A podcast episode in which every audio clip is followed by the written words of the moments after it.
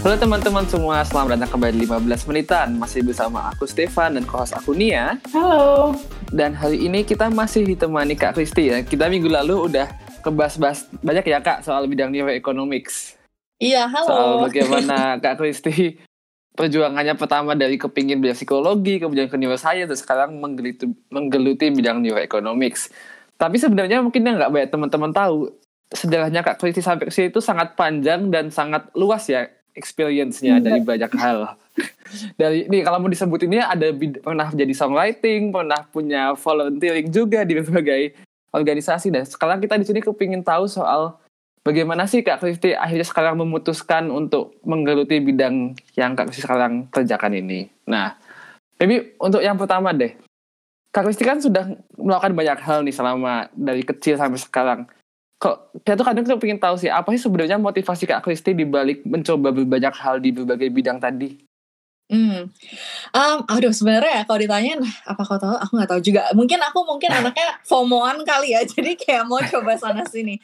Tapi I think ultimately orang selalu you know there's always that question orang selalu tanya apakah kamu mau jadi generalis atau spesialis. Terus aku tuh orangnya nggak mau melepaskan pilihan sebelum bener-bener di-explore gitu loh. Jadi aku tahu aku kira-kira ada interest di musik, ada ada interest di psikologi, ada interest di um, you know public service, ada. Jadi aku mau making sure kayak aku kayak lihat dulu lah gimana passionnya, gimana tractionnya di situ sebelum aku bilang aku mau fokus yang ini. Jadi mungkin itu kenapa cobain banyak hal karena ya I just wanna make the best decision gitu loh. I wanna make the call after I try everything. Tapi sampai sekarang meskipun fokusnya di neuroeconomics atau bioeconomics masih tetap ya kalau sambilan masih tetap nulis untuk diri sendiri masih tetap kayak do all this stuff tapi lebih ke for me tapi not something that I see my career based in gitu Dan tadi itu lucu ya behind the scene. Kristi sempat bertanya kepada kita, kepada aku Nia juga. Itu bagaimana kita tahu apa yang kalian kerjakan itu sesuatu yang kalian inginkan. Dan sekarang aku bikin balikin pertanyaan ini ke Kak Kristi sendiri deh. Bagaimana Kak Kristi tahu yang sekarang sudah kerjakan itu emang Kak Kristi yang benar-benar udah yakin itu yang ingin kerjakan. Hmm, oke. Ini senjata makan tuan ya. Aku yang tanya tadi backstage terus sekali tanya balik. Um, gimana cara taunya? Pertama, it it consistently makes me excited. Jadi the keyword here is consistent. Menurutku tuh aku orang yang lumayan sangat excitable, suka Hmm. belajar banyak, suka explore.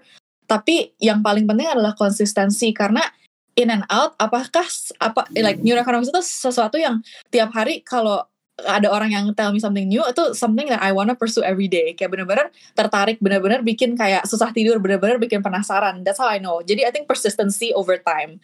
Um, kedua karena I think meskipun dicegat orang pun kayak karena waktu itu uh, orang tuaku kayak aduh kamu ngapain lah masuk ke bidang yang di Indonesia masih bahkan orang-orang nggak tahu itu bidang apa nggak tahu kerjanya um, di Indonesia tuh ngapain ngapain gitu loh. Jadi meskipun ada challenge challenge ini aku masih ngeliat peluangnya aja. Um, terus kayak aku masih bisa kayak ya kekeh gitu loh lebih kayak menantang gitu loh. Jadi menurutku if you're if it's consistent and if you're able to back yourself up then why not? Gitu iya.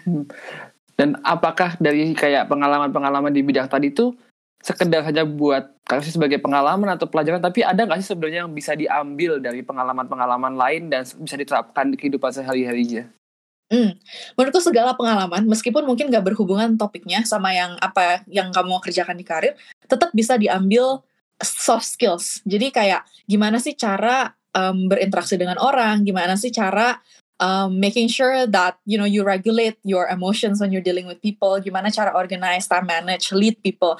Hal-hal ini tuh regardless of topic, regardless of industry, kamu bisa pelajari um, dengan kayak a different kayak extracurricular lah, ikut society sini lah. Jadi yang aku ambil sih meskipun kayak oke mungkin songwriting ilmunya nggak bisa diterapkan di bioeconomics tapi misalnya aku belajar kayak gimana sih cara pitch you know karena when you sell songs you have to pitch kayak kenapa lagu ini bagus kenapa lagu ini cocok untuk artis ini nah itu that pitching skill tetap berguna sampai sekarang aku ngomong ke investor tentang you know perusahaan aku tetap ada skill Hmm. pitchingnya gitu loh jadi transferable Hmm.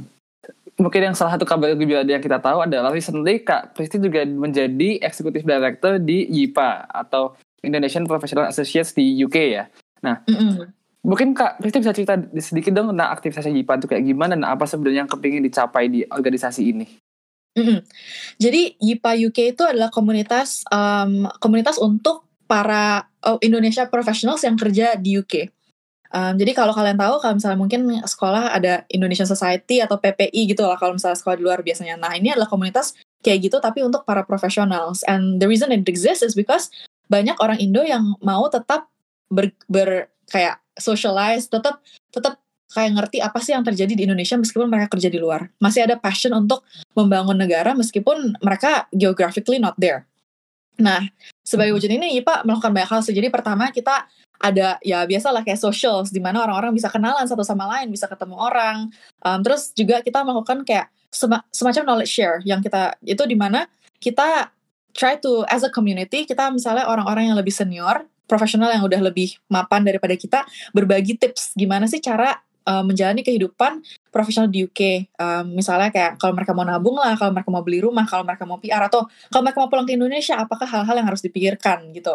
Nah, terus kita juga ada um, tipe event namanya Meet the Leaders. Nah ini di mana kita mengundang para CEO, para menteri-menteri, para pokoknya yang udah benar-benar senior di field mereka, kita undang untuk berbicara sharing kayak kira-kira apa sih what's the latest on their field, tapi at the same time sepanjang 30-40 tahun mereka berkarya, berjenjang karir, apa sih pelajaran-pelajaran yang bisa dipetik yang juga mungkin useful for us gitu. Um, nah tapi ya selain itu kayak ya bi biasalah kayak ada mentorship program juga buat um, students yang mau jadi professionals di UK gitu.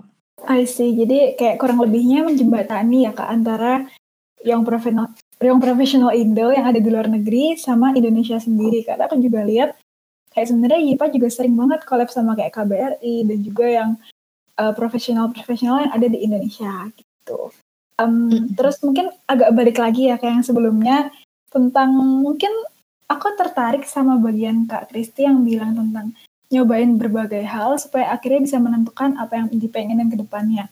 Nah, ada nggak sih kayak kayak garis merah, uh, benang merah yang Kak Kristi dapatkan ketika Kak Kristi itu lagi memulai banyak hal itu? Kayak misal, oh ternyata aku tuh sukanya ini, jadi kayak aku bakal ngerjain hal ini karena ini bakal berdampak ke misal ke masyarakat atau ke mana. Kapan sih at least kayak kita bisa menentukan apa yang kita pengenin kayak gitu? Mm-mm. Benang merah hidup ya. benang merah hidupku. This is gonna sound cheesy, tapi benang merah untuk di like the reason why I do anything, the underlying motivation for me is serving people. I live my life in service of others. Ini bukan menurutku nggak semua orang panggilannya kayak gini, tapi mungkin ya ini kebetulan aku ketemu panggilannya so far this is what I feel. Um, whatever I do, I always want to serve people, help people gitu dalam kapasitas nggak tahu apakah itu kayak misalnya kalau di IPA membantu komunitas orang-orang sesama biar mereka bisa kayak grow together. Apakah itu misalnya lewat musik tuh sebenarnya the reason why I got into songwriting tuh karena aku merasa semua manusia tuh pengalamannya ada yang universal. Kalau apalagi kalau misalnya you know kita senang, kita sedih, kita patah hati itu tuh universal experience and I just want to help people hmm. find their voice in times where they might not mungkin mereka nggak tahu gimana sih caranya mengekspresikan diri so I got into songwriting because I want to give people a voice when they're maybe too sad to write or don't know what to communicate jadi kayak gitulah jadi iya dan sekarang menurutku ya itu sih benang merahnya untuk aku. Kayak community impact is a big thing for me. Um, tapi obviously kayak orang-orang tuh termotivasi dengan hal-hal macam-macam ada yang termotivasi karena mereka mau I don't know kayak mereka mau orang ada yang suka kayak dikenal banyak orang misalnya. Kayak suka mm-hmm. jadi kayak you know people who can influence or people who knows mm-hmm. people. Jadi bisa mereka jebatani kayak networking gitu. Tapi menurutku yang underlying motivation for me is serving people helping people gitu kalau aku bisa ngelihat dua hal yang aku tangkap dari pembicaraan kita yang pertama Kak, Kak Kristi merasa bahwa ya pekerjaannya di bank itu belum cukup ya untuk memenuhi keinginan Kristi untuk serve the people. Dan yang kedua juga aktivitasnya di YIPA itu juga ingin memberikan sesuatu kepada Indonesia. Nah, ada nggak sesuatu yang ingin Kak Kristi, yang ingin Kak Kristi capai, terutama untuk Indonesia? Kayak punya mimpi besar nggak sih untuk apa yang ingin dikerjakan di Indonesia nantinya? Hmm, I think Indonesia ya sebagai negara, sebagai masyarakat, we're so big. And we're so I think underdeveloped is probably kayak the right word. Karena menurutku tuh manusia di Indonesia tuh banyak. Terus semua orang juga banyak ide. Terus orang Indonesia tuh sebenarnya kreatif kreatif loh. Kalau misalnya lihat kayak misalnya bisnis kecil-kecilan bisnis online shop gitu orang Indonesia tuh sangat adaptable. Um, so I think in terms of my vision for Indonesia we're so big yet I think in respect to the rest of other countries kayak misalnya UK tuh orangnya kayak dikit banget compared to Indonesia. Tapi kenapa sih mereka lebih loud kenapa sih lebih powerful kenapa misalnya pop music from US tuh lebih di chart daripada Indonesia. Jadi I feel like we can we can manage our human capital better to become a stronger voice in the world. Um, visionnya sih itu. Tapi kalau untuk balik ke Indonesia, I, I'm really really kayak kalau aku balik ke Indonesia, aku mau look at wealth inequality in relation to climate policies, especially di Indo. Karena di Indo natural resources juga banyak. Jadi kalau soal climate kayak bisa bisa di bisa benar-benar jadi ya yeah, leader in the field hopefully. Wow, tapi ada nggak satu kayak ultimate goal ya Kak Kristi yang kepingin benar-benar dicapai ini dalam hidup kepingin itu tercapai misalnya kepingin jadi menteri kah misalnya atau kepingin membuat apa punya nggak suatu kayak ya ultimate goal tadi? Um, wah ultimate goalnya membuat kehidupan orang lebih baik. Aduh, cheesy enggak ya? Okay. um, I think I hope someday I'll be in a position where my work impacts the masses. Jadi menurutku tuh community impact scale matters. Jadi makanya kayak mungkin di episode pertama aku pernah bilang aku mau kerja di IGO International Government Organization atau kayak badan-badan kenegaraan yang mem, yang impactnya tuh benar-benar far reaching, gak cuman untuk satu perusahaan, gak cuman untuk satu jenis industri, tapi bisa benar-benar setiap kehidupan manusia tuh disentuh lewat polisi-polisi itu. Jadi that's the dream. Um, ya, yeah, long way, still a long way. Uh, we'll see. Oke. Nah, sekarang dari pengalamannya Kristi yang sudah banyak ini, ada nggak sih yang kepingin disampaikan buat teman-teman juga yang sekarang banyak teman-teman kita juga masih berusaha mencari apa sih yang kepingin dicapai dengan berbagai banyak hal. Harus sih pasti punya dong kayak pesan atau tips yang bisa dibagikan kepada kita kita supaya kita juga semakin yakin untuk menemukan apa yang ingin kita kerjakan nantinya. Mm -mm. I think big tip is surround yourself with people who push you. Kayak menurutku aku beruntung sekali karena dari mungkin dari kecil ya aku dikelilingi orang-orang yang sangat positif, sangat supportive, tapi bukan berarti mereka selalu mengiyakan ideku. Mereka orang-orang yang bisa challenge. Kalau misalnya aku kayak so ide, misalnya mau kayak gini, mereka kayak, eh tunggu, tapi nggak make sense, tapi kayak gini. Jadi surround surround yourself with people who can challenge you and help you grow.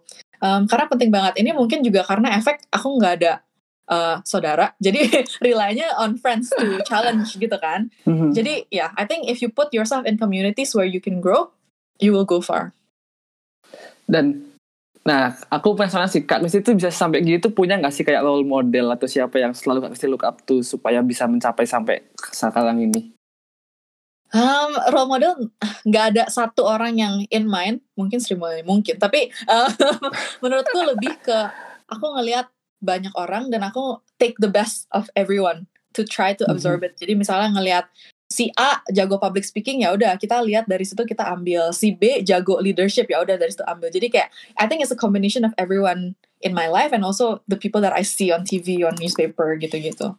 Oke terima kasih banyak Akri sudah sharing segala pengalamannya ya bagaimana tadi Akristi dari kecil berusaha mencapai apa yang kepingin dikerjakan sampai akhirnya ke UK, masuk ke New Economics, dan sekarang juga aktif di berbagai instansi untuk akhirnya bisa mencapai goalnya pasti untuk memberi kontribusi pada masyarakat.